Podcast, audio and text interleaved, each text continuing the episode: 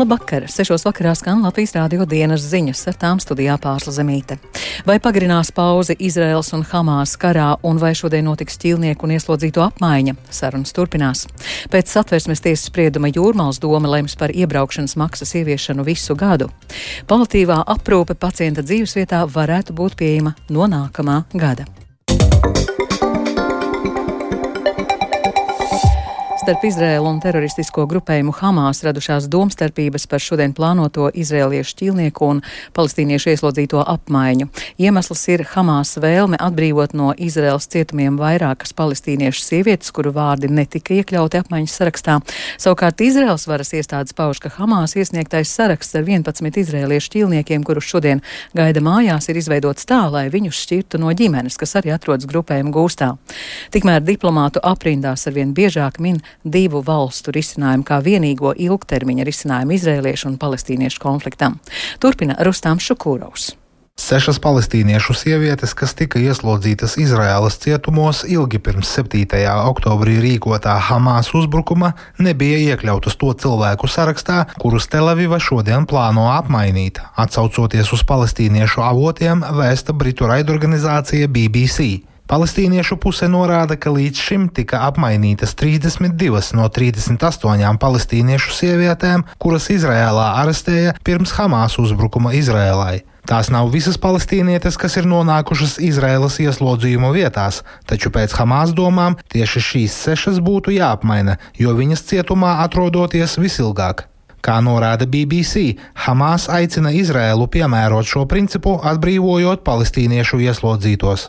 Savukārt Izraēlas puse norāda, ka saskaņā ar Hamas iesniegto ķīlnieku sarakstu tiks šķirtas vairākas ģimenes, kuras grupējuma kaujinieki nolaupījuši 7. oktobrī. Izraēlas varas iestādes norāda, ka šāda rīcība ir pretrunā ar pušu noslēgto vienošanos. Katras valdības nozīmētie vidutāji visas dienas garumā cenšoties atrisināt šo jautājumu, lai novērstu iespēju, ka ķīlnieku un ieslodzīto apmaiņa nenotiek. Apmaiņai jānotiek pirms noslēdzas četras dienu ilgā pauze karadarbībā, jeb līdz šodienas dienas beigām. Tikmēr vairāku valstu diplomāti pastiprina centienus panākt uguns pārtraukšanas pagarinājumu, kā arī dot jaunu impulsu mēģinājumiem rast ilgtermiņa risinājumu pašreizējam konfliktam starp Izraēlu un palestīniešiem. Eiropas Savienības augstais pārstāvis ārlietās Žuzeps Borels šodien paziņojis, ka Palestīnas valsts izveide, kuras teritorijā būtu iekļauti rietumkrasts, austrumu Jeruzaleme un Gazas josla, būtu labākā Izraēlas drošības un miera garantija. There will not be peace or security for Israel without a Palestinian state. Mums ir jāievieš kaut kāds intelektuāls ietvers, jāvienojas par pamatiem, uz kuriem mēs vēlamies būvēt. Un es domāju, ka ir dažas lietas, par kurām mēs varam vienoties.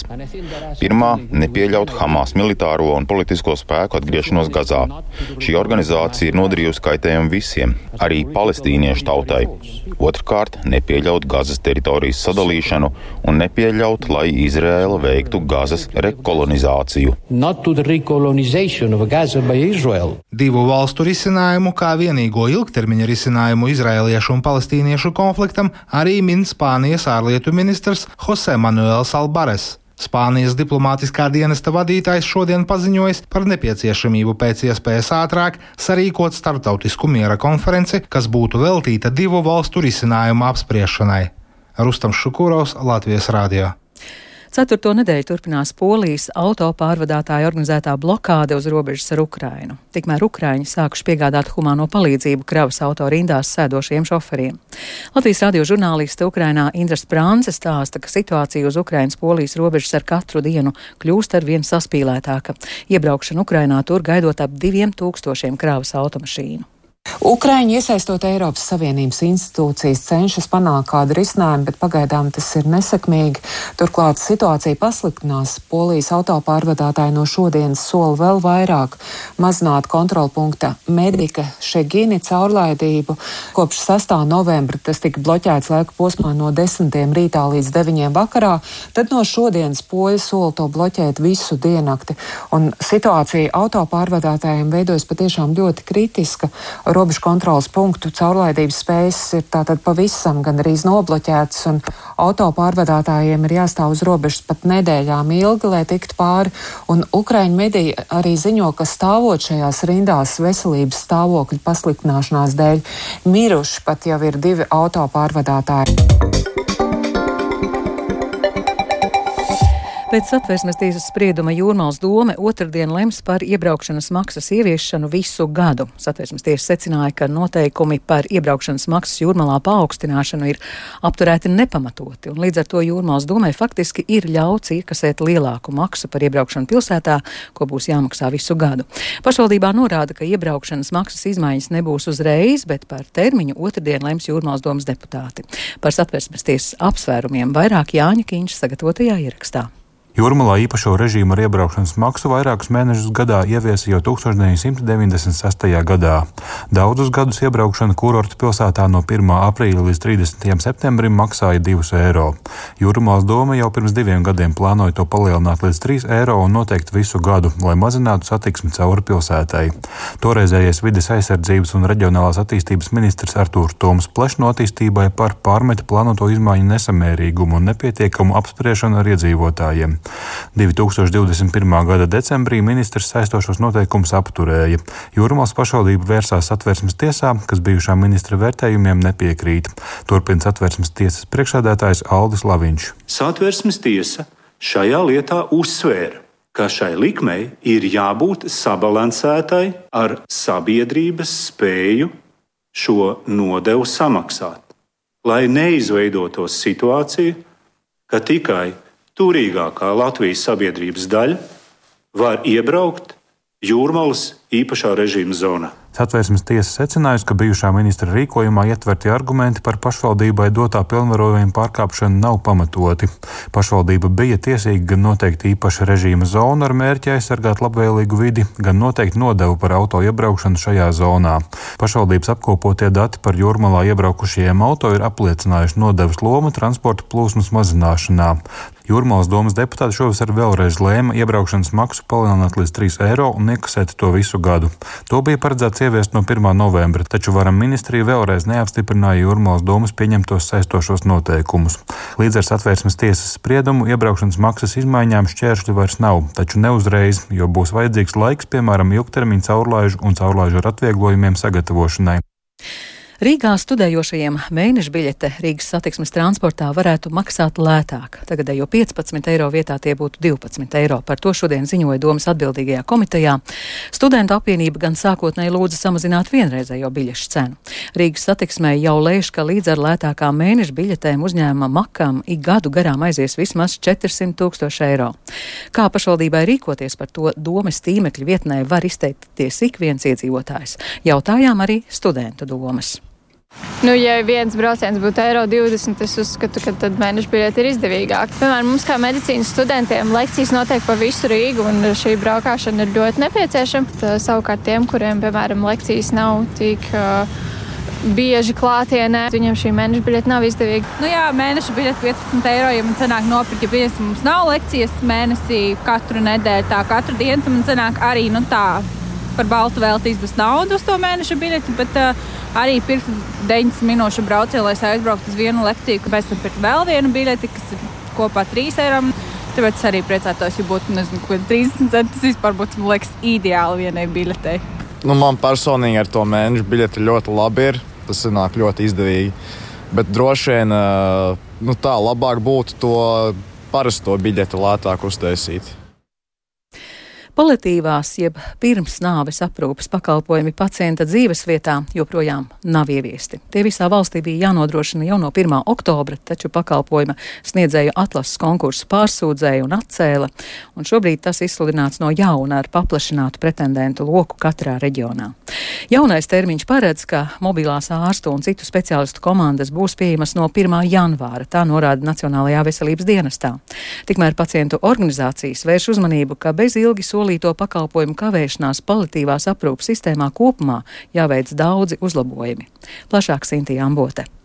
Valsts apmaksātu hospisi, jeb pirmsnāvis aprūpas pakalpojumu mājās bija jāievieš jau oktobrī. Iepriekš izsludinātajā palietīvās aprūpas konkursā pieteicās desmit pretendenti un tika atlasīti četri no tiem, bet ar iepriekš izraudzītajiem pakalpojumu sniedzējiem līgumu slēgšanu apturēja. Pat laban izsludināts jauns konkurss, lai palietīvo aprūpu mājās nodrošinātu no nākamā gada, stāsta Nacionālā veselības dienesta ārsniecības pakalpojumu departamenta pārstāve Jūlija Varopājeva. Tika pārstrādāts atlases nolikums un atšķirība no iepriekšējās atlases, kur uh, uz vienu reģionu bija plānots slēgt līgumu tikai ar vienu pakalpojumu sniedzēju, tad jaunajā atlasē ir paredzēts, ka visi pretendenti, kas atbilst prasībām, varēs slēgt uh, līgumu par pakalpojumu sniegšanu. Pieteikšanas termiņš pretendentiem ir 7.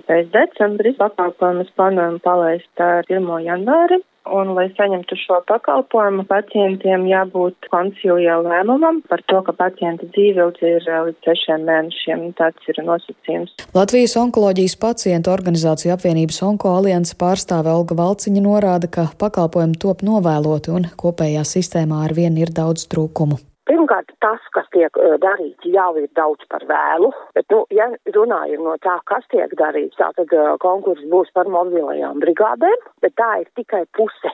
Mobilās brigādes der tiem, kas spēj aprūpēt savus tuviniekus. Tātad, ja kāds mirst mājās, ja cilvēks ir vientuļš, vai tā ir ģimene ar maziem bērniem, kur otram cilvēkam ir jāstrādā, tad viņiem šis risinājums iespējams, ka nederēs, un viņi atkal paliks vieni paši bez atbalsta. Mums ir jāsaprot, cik mums ir ir tādu gadījumu, kad vajadzētu būt ar gultas vietām un nevis uz desmit dienām, bet uz tik, cik cilvēkiem ir vajadzīgs. Turklāt, tur, kur ir gultas vietas, ir skaidri jānodala tie, kas ir palietīvā aprūpē, un tiem, kam jau ir hospis, tad pēdējās dienas iestājušās. Nacionālais veselības dienas slēdz, ka gadā palietīvās aprūpas pakalpojumu mājās saņems 2800 pacientu, un tam atvēlētais finansējums ir ap 6,7 miljoni gadā. Sinti Ambota, Latvijas radio. Latvija oficiāli saņēmusi tiesības rīkot olimpisko kvalifikācijas turnīru basketbolā. Par rīkotāju valstīm apstiprināts arī Spānija, Grieķija un Puerto Riko. Latvijai šis būs otrais mēģinājums olimpiskajā kvalifikācijā. 2016. gadā Belgradā Latvijai neizdevās kvalificēties Rio olimpiskajām spēlēm. Plānots, ka turnīri notiks no 2. līdz 7. jūlijam un ceļazīmes iegūs tikai katra turnīra uzvarētāji. Astoņos vakarā plānot izloze, kad noskaidrosies tās komandas, kas spēlēs Rīgā un pret kurām Latvijai būs jācīnās par ceļazīmes turnīru. Basketbola savienības ģenerāls sektārs Kaspars Ciprus Latvijas radio norādīja, ka neskatoties uz izlozi, mūsējiem mērķa sasniegšanai būs jāuzvar ļoti nopietni pretinieki. Jebkurā gadījumā, ja mēs gribam tikt uz olimpiādu, būs jāvinē divas spēcīgas komandas, kas nāks no otrā, trešā groza, jo tur vāja komandu nav. Nu, un skaidrs, ka jautājums 4. 5. grozs tur atkal nu, paveicās vai nepaveicās ar izlozi. Bet nu, pēc tā, kādas mums ir bijušas iepriekšējās izlozes un kam mēs gājuši cauri, es pat nezinu, kas ir labāk. Tā kā gaidīsim izlozi un, un skatīsimies.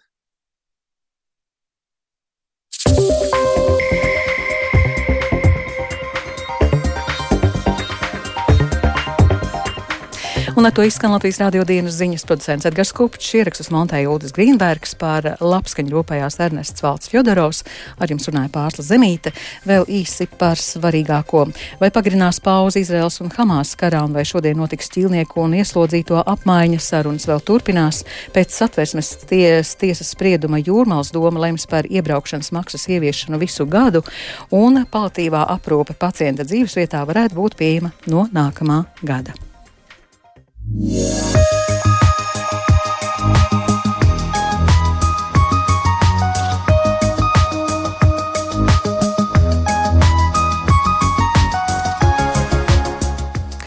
Latvijas vidas geoloģijas un meteoroloģijas centrs informē Rīgā pat labam mīnus 4 grādi, ziemeļu vējš 4 m2, gaisa spiediens 755 mm, gaisa relatīvais mitrums 86%.